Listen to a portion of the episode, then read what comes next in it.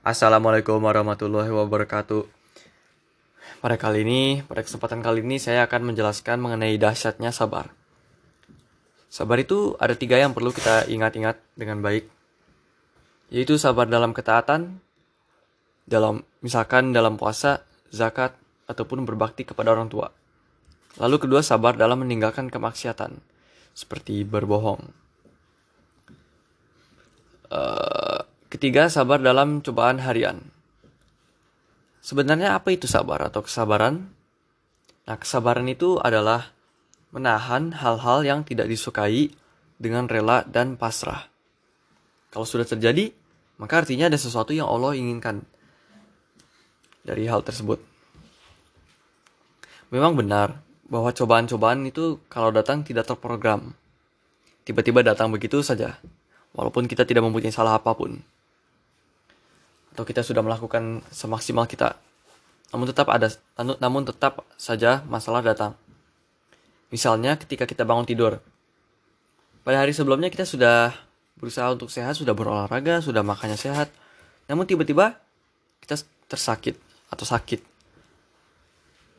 Atau mungkin kita tidak mempunyai salah kepada seseorang, namun tidak namun tiba-tiba dia memfitnah kita. Gibah, mencaci maki kita. Namun yakinlah bahwa Allah memberikan sesuatu melalui orang tersebut. Memberikan suatu pelajaran yang bisa kita ambil, bisa kita pelajari agar kita menjadi orang yang lebih baik. Ketika kita tergoda untuk tidak melaksanakan ibadah seperti sholat, kita harus bersabar. Ketika tergoda oleh sesuatu, maka harus sabar seperti berbohong. Nabi Yusuf pernah tergoda oleh Ratu Mesir, namun beliau bersabar. Berusaha untuk menahan godaan tersebut. Dalam perjuangan, seorang muslim selalu membutuhkan pertolongan Allah agar dianugerahkan rezeki berupa kesabaran dan juga memohon diilhami kesabaran dengan mengingat perintah-perintah yang ada dan pahala yang dijanjikannya.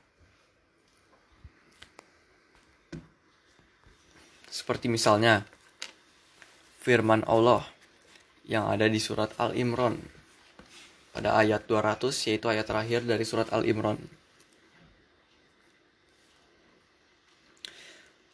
Ya ayyuhallazina amanus biru waso biru waro bitu wat wattaqullaha la'allakum tuflihun Wahai orang-orang yang beriman bersabarlah kamu, dan kuatkanlah kesabaranmu, dan tetaplah bersiap siaga di perbatasan negerimu, dan bertakwalah kepada Allah agar kamu beruntung.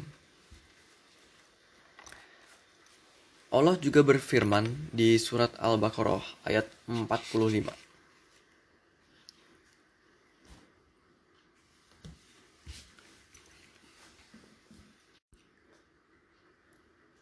Wasta'inu bis sabari was solat. Dan mohonlah pertolongan kepada Allah. Dengan cara apa? Dengan sabar dan sholat. Ketika Allah memberikan kita sebuah tantangan, tantangan-tantangan, ujian-ujian, coba-cobaan, kita perlu ketahui bahwa ujian-ujian tersebut sama halnya seperti ujian di sekolah mereka mempunyai, mempunyai tujuan untuk menaikkan kita ke tingkat berikutnya, ke level berikutnya. Mereka mempunyai tujuan untuk menguatkan kita, agar kita menjadi orang yang lebih kuat dan lebih baik. Ketika kita diberi masalah, ingatlah kata tersebut. Solusi. Ketika sudah terjadi, Jangan bertanya-tanya mengapa hal tersebut terjadi. Ketika mendapatkan masalah, jangan bertanya-tanya mengapa saya mendapatkan masalah tersebut. Kata Nabi Muhammad, jika sesuatu terjadi pada kalian, jangan katakan kalau seandainya. Karena mengeluh tidak ada gunanya. Contohnya kalau misalkan kita keluar masjid, sendal kita tiba-tiba hilang. Kita cari sendalnya dan tidak ditemukan. Cari solusinya, yaitu beli sendal baru. Jangan pergi ke mana-mana memberitahu bahwa sendal saya hilang di masjid ini. Lalu hanya mengkomplain dan akhirnya uh, sendal kita tetap hilang, tidak kembali. Dan pada akhirnya kita, kita tidak mempunyai sendal. Kita hanya perlu ikhlas saja karena Allah pasti tahu apa yang baik untuk kita. Sabar, ingatlah bahwa sabar adalah menerima keputusan Allah dan ikhtiar mencari jalan keluar. Dan ketahuilah, makin berat cobaan, makin besar nikmat yang sedang menunggu kita di akhir cobaan tersebut. Sekian dari saya. Assalamualaikum warahmatullahi wabarakatuh.